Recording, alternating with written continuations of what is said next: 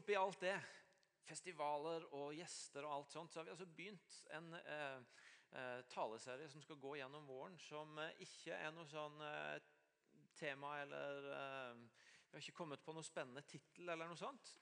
Det heter bare Johannesevangeliet, fordi vi skal bruke et semester på å gå gjennom Johannesevangeliet. Jeg tror det er kjempeviktig at vi stadig vekk vender tilbake til evangeliene og leser historien om Jesus og er dypt forankra i den. Eh, og Tanken er at vi leser ett kapittel i uka. Har det som bibellesninga vår gjennom uka, at vi, vi bruker ei uke i et kapittel. Og så forsøker vi å tale over deler av kapittelet når søndagen kommer. Eh, kan ikke love at det alltid blir Eh, alt, for noen av kapitlene er ganske lange. Hvis jeg skulle ha talt over vers for vers i dag, så hadde det blitt ett minutt per vers. Da hadde dere fått meg 36 minutter. Eh, og 36 punkt kunne kanskje blitt litt mye. Så vi plukker ut litt, og så eh, kommer dere til å oppdage mye godt når dere leser. Så Vi skal gå på Johannes 3 og begynne der. Noe av det som jeg synes er fascinerende med å lese evangeliene, det er at i det ene øyeblikket så kan du lese sånne setninger som i ei setning så finner du så mange historier. I ei setning så bare skjønner du at bak denne setninga skjuler det seg et lass av mennesker som har sine historier og møter med Jesus. Kapittel 2, eh, På slutten av kapittel 2 så var det en sånn setning når det står at mens han var i Jerusalem under påskefesten kom mange til tro på hans navn da de så tegnene han gjorde. Mange som kom til tro på han da de så tegnene han gjorde. Vi bare aner at okay, her er det mange historier som ikke står skrevet her, men som har skjedd, og som har betydd noe for folk. Og Den ultimate utgaven av en sånn setning finner vi egentlig siste setninga i Johannesevangeliet. For her står det at eh, Men også mye annet har Jesus gjort skulle det skrives ned, hver enkelt ting, tror jeg ikke hele verden ville romme alle de bøker som da måtte skrives. Så Det må vel være den ultimate kompakte setning for at her har det skjedd mye. Det er ikke plass til alle bøker i hele verden til å fortelle om alt. Men samtidig som det skjer, og det er et sånt vitnesbyrd om at å, det var mye som skjedde rundt Jesus, i neste øyeblikk så kan de som skriver evangeliene, stoppe opp. og Så stopper de ved ett menneske, og så forteller de historien om den ene som Jesus stoppa opp for, og som fikk møte Jesus. Og i dag, Kapittelet i dag det begynner med en sånn historie. Det begynner med en kar som heter Nikodemus. Og det står i de to første versene at det var en mann som het Nikodemus. Han var, han var fariseer og en av jødenes rådsherrer. Han kom til Jesus om natta og sa, 'Rabbi, vi vet at du er en lærer som er kommet fra Gud, for ingen kan gjøre de tegna du gjør, uten at Gud er med han. Nikodemus, en, en vis mann, en lærd mann, en leder, antagelig en mektig mann, som kommer til Jesus om natta for å stille han noen spørsmål. Noen ting han ikke helt får tak i, noen ting han, han, han lurer på, noen ting han er nysgjerrig på med Jesus. Og Det har vært skrevet side opp og side ned om hvorfor, hvorfor kom han om natta. Mest sannsynlig så kom han i hvert fall fordi han, han ikke ønska at alle andre skulle se at han kom. Om det var fordi han var flau for at han ikke skjønte alt og trengte å spørre om noe. Eller om det var fordi han ikke ville at folk skulle se at det var Jesus han oppsøkte og ville snakke med. Det vet vi ikke helt. Men han hadde i hvert fall spørsmål, og han kom når det var mørkt og ikke alle andre så. Og så fikk han en prat med Jesus.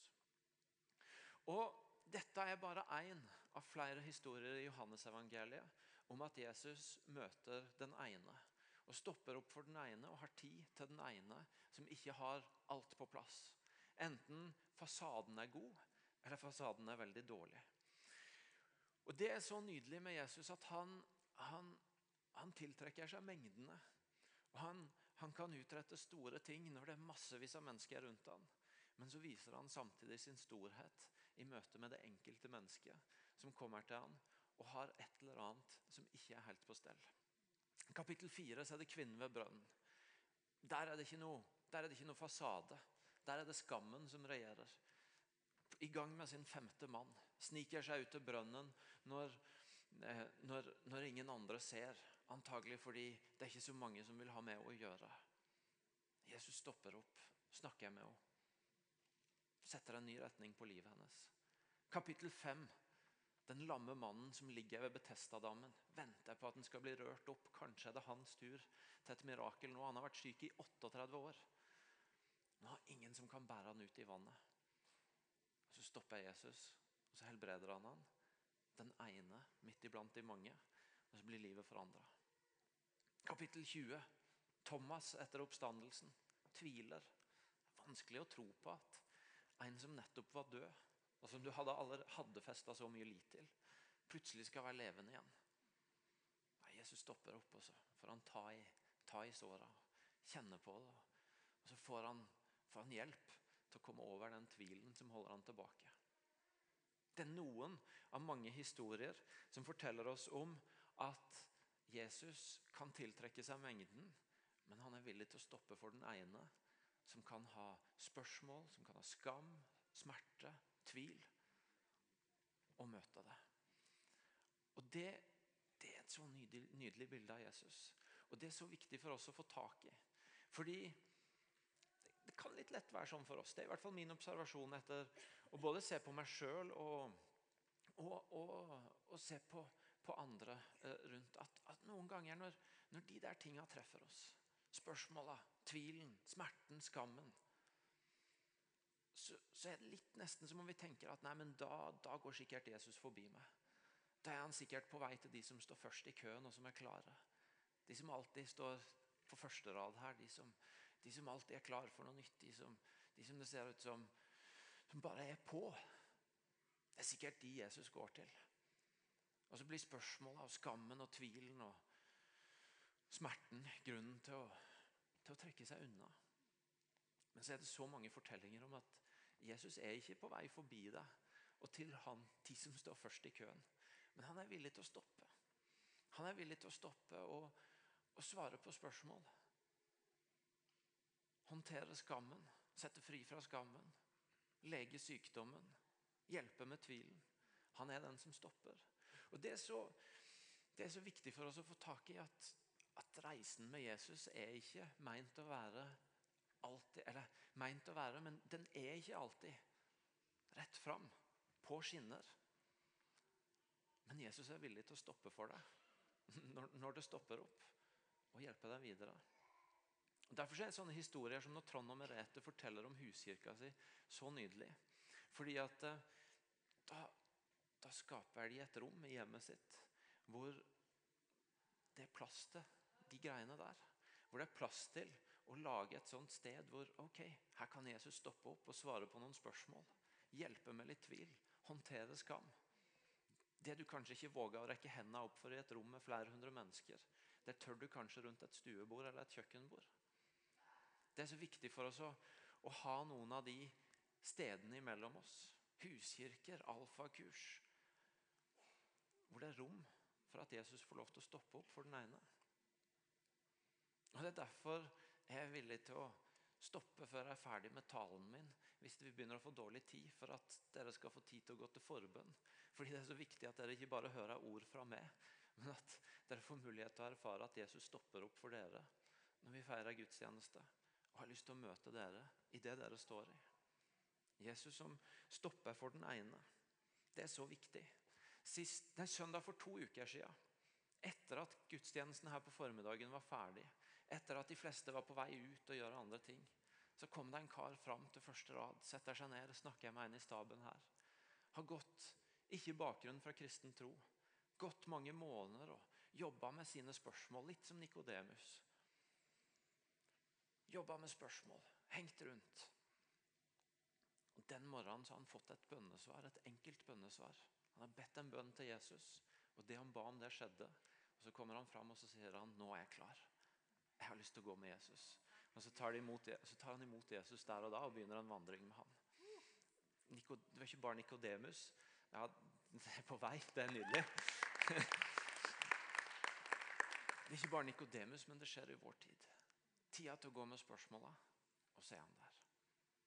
Hvis vi ser på de menneskene lista opp nå, så har de, de har forskjellige veier med Jesus. Kvinnen ved brønnen hun møtte Jesus også. Og så blir hun avslørt. på, Hun får ikke til å holde fasade for Jesus heller. og Så snakker han inn i det. Og så, Og så blir bare livet hennes snudd på hodet der og da, og responsen er at hun løper inn til byen og forteller alle andre jeg har møtt en mann. Han har sagt alt om meg. Er det så bra? Men for å fortelle hvem han er. Hun er i gang med en gang. Nikodemus han, han, får vi ikke noe svar på i dette kapittelet egentlig. Hvor landa han? Hva, hva, hvordan forholdt han seg til dette? Men så møter vi han igjen i kapittel 7, hvor, eh, hvor når, når, noen kommer og, og, lurer på hvorfor ikke Jesus er blitt fengsla, hvorfor hvorfor ikke de har tatt han til fange og stilt han for, for overprestene, så, så, aner vi at noe er i bevegelse hos Nikodemus. For han, han, er ikke klar til å sette seg sammen i koret med de som roper at nå må vi få tatt Jesus. Han sier i stedet at uh, Nikodemus, en av deres egne, han som tidligere hadde kommet til Jesus, sa da Loven vår dømmer vel ikke et menneske uten forhør før, før en har fått vite hva det har gjort. Nikodemus, som du bare aner at det er noe som skjer inni han, for han har behov for å helle litt kaldt vann i, i dette her og si ikke, ikke, ikke døm han ennå. Og Så dukker han opp igjen i kapittel 19, når Jesus er korsfesta, når han er død. Og de, de, skal gravlegge han, og så står det i kapittel 19, vers 39 Også Nikodemus var der, han som kom til Jesus første gangen om natten. Han hadde med seg en blanding av myrra og aloe. Hvordan uttaler du det? Aloe? Alo? Ja. Omkring 100 pund. De tok da Jesu kropp og svøpte han i linklær med den salven, velluktende salven sin, slik skikken er ved jødenes gravferder. Der hvor Jesus var blitt korsfesta, var det en hage, og i hagen en ny grav som ingen ennå var blitt lagt i. Fordi det var helgeaften for jødene, og fordi graven var så nær, la de Jesus i den. Nå er Nikodemus en av Jesus sine. En av de som kommer og salver han, gravlegger han. En av de som tar seg av han. Fra den mektige mannen som sniker seg inn om natta og stiller spørsmål. Til han som ikke helt vet hvor han skal stå, men i hvert fall ikke er klar for å stille seg mot Jesus. Til den som salver Jesus og bærer han til grava når han er død, og hører til hos han. Veien vår til Jesus er, eh, er forskjellig. Vandringa vår med han er forskjellig. Men Jesus viser et bilde av å ville stoppe for den ene i møte med tvilen, i møte med spørsmåla, i møte med smerten, i møte med skammen. Og eh, Det er jo noen ganger sånn for oss at vi, vi begynner å definere hvem vi ikke er, ut fra hva vi ser andre er. Og Da er det veldig sjelden Guds stemme som taler til oss. Når jeg ser noe andre har, et frimodig gudsliv andre har, en trosvisshet andre har, en trygghet andre har en, Alt det der og så begynner jeg å definere hva jeg ikke er, fordi jeg ser de er det. Da er det veldig sjelden Jesus som snakker til oss. Men da er det andre stemmer. For Jesus han er heller den som vil fortelle oss hvem vi er. Som vil stoppe opp for vår trosvandring, som vil tale inn i vår trosvandring. Og som vil bringe oss videre. Sånn som han gjør med Nikodemus, sånn som han gjør med kvinnen ved brønnen. Sånn som han gjør med den lamme ved Betestadammen. Sånn som han gjør med Thomas som tviler. Men så skjer det noe interessant. Fordi når Jesus responderer på Nikodemus sin henvendelse, så, så, er det ikke en sånn type bare bekreftelse og 'Kom her, du er en av gjengen.' og ja, 'Flott det du sier der, Nikodemus. Helt, helt supert.' Det er, ikke, det er, ikke, liksom sånn at han bare, bare, bekrefter og prøver å få han mest mulig inntil. Han, han gir Nikodemus ganske mye motstand. Han sier ting som Nikodemus ikke skjønner noen ting av. Og han, han utfordrer Nikodemus. Noen ganger når det dere får sikkert av og til, jeg får i hvert fall av og til, ikke sant, Når du snakker med for sånne telefonselgere, så ringer de og så begynner de å snakke, og så bare slutter de ikke å snakke til de kommer til den setninga. Så da bare fører jeg deg opp, og så er du i gang. Ikke sant? De har et eller annet fantastisk tilbud som er helt unikt akkurat nå, og som jeg er så heldig å få. Så da bare fører jeg deg opp, og så er du i gang. Og så må du liksom skynde deg å legge inn før de legger på, hvis du skal få stoppa det. Eh, og noen ganger sammen når du treffer sånne selgere på gata, at liksom de er i gang med å skrive navnet ditt. Eh, hvordan visste du navnet mitt, forresten? Sa jeg det i starten, kanskje? Eh, og så bare tenker jeg Du vet ingenting om jeg vil ha det du selger. Du vet ikke om jeg trenger det, du vet ikke om jeg kommer til å bruke det, du vet ikke om jeg liker det. Men bare du får meg inn på lista di, så er du fornøyd. Jesus er ikke sånn. Jesus er ikke sånn at han, han på en måte bare prøver å lokke inntil, sånn at han akkurat kan føre deg opp på lista si og si 'enda en med i flokken'. Men han, du ser at når han møter folk, så gir han også motstand. Han utfordrer. Han, han viser at han vil ha relasjon. Han vil ha relasjon. Og Det er noe av det som vi skal oppdage i Johannesevangeliet når vi fortsetter å gå igjennom det. At relasjon er en kjempeviktig dimensjon der.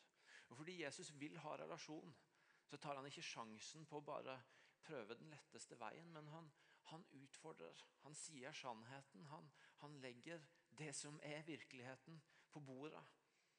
Selv om det utfordrer, selv om de ikke alltid forstår det med en gang.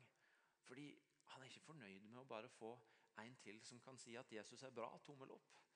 Men han vil, han vil ha relasjon, han vil se forvandla liv. Han vil komme dypere.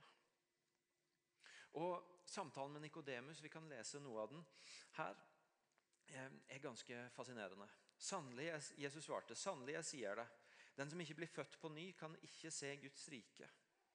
'Hvordan kan en som er gammel, bli født?' sa Nikodemus. 'Kan noen komme inn i mors liv igjen og bli født for andre gang?' Betimelig spørsmål. Jesus svarte, 'Sannelig, jeg sier det, den som ikke blir født av vann og ånd, kan ikke komme inn i Guds rike. Den som er født av kjøtt, er kjøtt. Men den som er født av ånden, er ånd. Undre deg ikke over at jeg sa til deg dere må bli født på ny. Vinden blåser dit den vil. Du hører den suser, men du vet ikke hvor den kommer fra og hvor den farer hen. Slik er det med hver den som er født av ånden. Hvordan kan dette skje? spurte Nikodemus. Jesus svarte, du er en lærer for Israel og vet ikke det. Sannelig, jeg sier det. Vi taler om det vi vet, og vitner om det vi har sett. Men dere tar ikke imot vårt vitneutsagn. Hvis dere ikke tror når jeg taler til dere om det jordiske, hvordan kan dere da tro når jeg taler om det himmelske? Jesus utfordrer deg. Jesus sier ting som Nikodemus ikke skjønner. Og et av hovedtemaene i det han sier, og som går igjen i Johannesevangeliet, det er denne her kontrasten mellom det som kommer fra himmelen, og det som er av jorden, det som er, det som er bare blitt til her på jorda, det vi har klart å produsere på egen hånd. Han snakker om det som er født av kjøtt, er kjøtt, mens det som er født av ånden, er ånd. Og Han snakker litt senere i dette kapittelet om at et menneske kan ikke få noe uten at det er gitt han fra himmelen. Det er denne her kontrasten mellom det som kommer fra Gud, og det som vi har fått til på egen hånd. Og Det Jesus vil ha fram hos Nikodemus, er at selv om han nå står og snakker med en som Hvis det nå var sånn at Jesus passerte alle de som hadde skam og utfordringer og sår og ikke hadde ting på stell, og gikk til de som sto først i rekka, så skulle Nikodemus være en av de første. For han var rådsherre, han var fariseer, han, han, han, var en av de åndelige gutta. Og Likevel er budskapet fra Jesus til Nikodemus at hvis du tror at du skal få fikse dette på egen hånd, bare få et godt svar av meg, og så, og så har du det, så har du det ikke.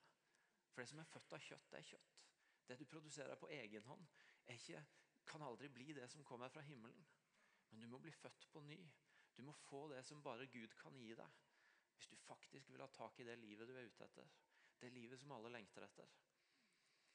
I Johannes evangeliet sine 21 kapitler så er ordet 'gi' brukt 63 ganger fra Gud. Det er et evangelie som, som tegner et så sterkt bilde av Gud som den som gir. Som gir fra himmelen til jorda. Og som er en giver mot oss. Der står masse om at han gir fra seg sjøl og til Sønnen, som, som, som, er hans representant på jorda. står i dette kapittelet òg. Faderen elsker Sønnen og har gitt alt i hans hånd. Men det står også masse om hvordan enten far eller sønnen gir til denne verden, til oss som lever her. Og at det er vår eneste måte til å få tak i det, han, han, det livet han har. Det er ikke å produsere. Det er ikke det som vi får til. For det som er født av kjøtt, er kjøtt. Men det å ta imot det han gir. For det som er født av ånden, det er ånd. Og så gjør Jesus dette her enda tydeligere når han i de neste versene tar tak i et bilde som, som alle kjenner, og som Nikodemus kjenner fra Det gamle testamentet. Når han sier Ingen annen er steget opp til himmelen enn han som er steget ned fra himmelen. menneskesønnen som er i himmelen. Og slik Moses løfta opp slangen i ørkenen, slik må menneskesønnen bli løfta opp, for at hver den som tror på han, skal ha evig liv. Jesus trekker fram bildet av Moses og israelsfolket, som var i ørkenen, og som på et punkt så begynte israelsfolket å klage og murre og, og, og, hadde ulydighet mot Gud. og Som en konsekvens så begynte det å komme slanger inn i leiren som var dødelige, og som beit de. Og Som en respons på ropet om hjelp så fikk Moses beskjed om å henge, sette opp denne kobberslangen midt i leiren. Sånn at hvis noen ble bitt, så skulle de se på den, og så ville de bli friske igjen. Så skulle de ikke dø, så skulle de leve. Gud helbrede dem. Og Så sier han at på samme måte som det var svaret for folket i ørkenen, så er svaret for du, Nikodemus, og for alle folk nå, det er at er menneskesønnen må bli løfta opp korset. Sånn at dere kan se på meg når ting i denne verden biter dere.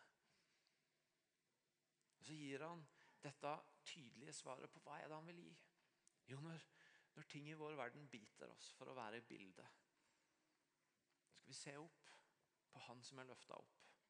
På Han som ble gitt fra himmelen til jorda. Og så skal svaret, helbredelsen, troen, friheten fra skammen skal finnes i å se opp. Og Så tar Jesus det enda lengre når han sier hvorfor. Hvorfor er det sånn? Hvorfor gjør han dette? For så høyt har Gud elska verden, at han ga sin sønn den enbårne, for at hver den som tror på han, ikke skal gå fortapt, men ha evig liv. Gud sendte ikke sin sønn til verden for å dømme verden, men for at verden skulle bli frelst ved han. Motivasjonen er kjærlighet. Konfrontasjonen med Nikodemus. Disse ordene som sier 'du kan ikke fikse det'. Det som er født av kjøtt, er kjøtt. Utfordringa. Dette at han ikke bare vil dra han inn på lista si, men vil ha han til å skjønne hva det går i. Alt sammen er drevet av kjærlighet. For så høyt har Gud elsket. Og Guds kjærlighet er en kjærlighet som gir, og det er en kjærlighet som ofrer. For så høyt har Gud elska verden, at han ga sin sønn den enbårne, for at hver den som tror på han, ikke skal gå fortapt, men ha evig liv. Hvorfor, sier, hvorfor, hvorfor utfordrer Jesus Nikodemus? Det er ikke for å dømme han.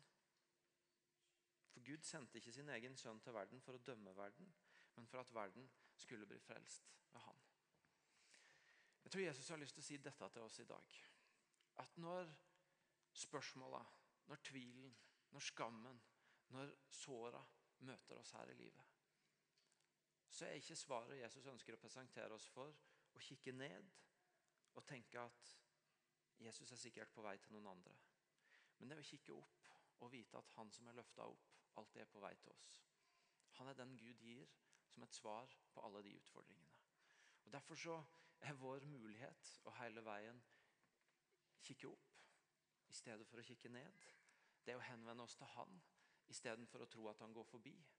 Det å ha vår trygghet ikke i det vi produserer på egen hånd. Det som er kjøtt, er kjøtt.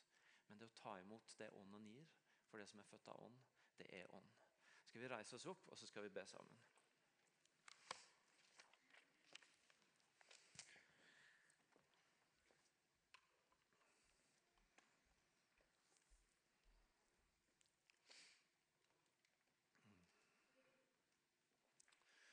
Jesus, jeg har så lyst til å takke deg for at du ikke bare er en fyr for mengdene, men du er en, en fyr for den, for den, ene.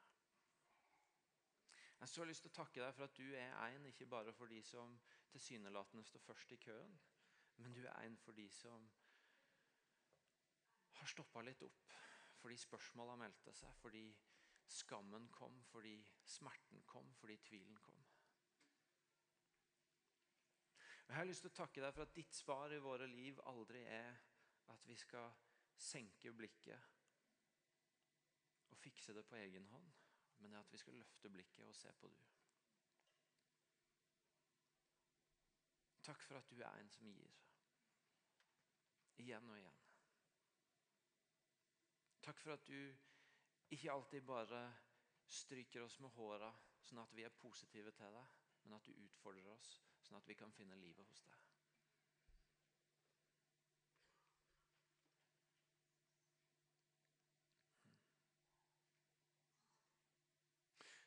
Inviterer deg til å møte den enkelte av oss nå. Jeg ber deg spesielt for de blant oss som som det har, som har, som det har stoppa opp for akkurat nå. Som står med blikket litt ned. Fordi det er noen spørsmål de ikke har svaret på. Det er noen ting som har skjedd, som de har skam over. Det er sykdom og smerte som, som gjør for vondt. Det er tvil som en ikke helt vet hvor en, hvor en skal slippe ut. Jeg ber deg om at du skal komme og vise deg som den som stopper for den ene. Som gir. At du skal komme og løfte blikket igjen. Sånn at svaret ikke blir å kikke ned og lete etter svaret i oss sjøl, men at det blir å kikke opp og lete etter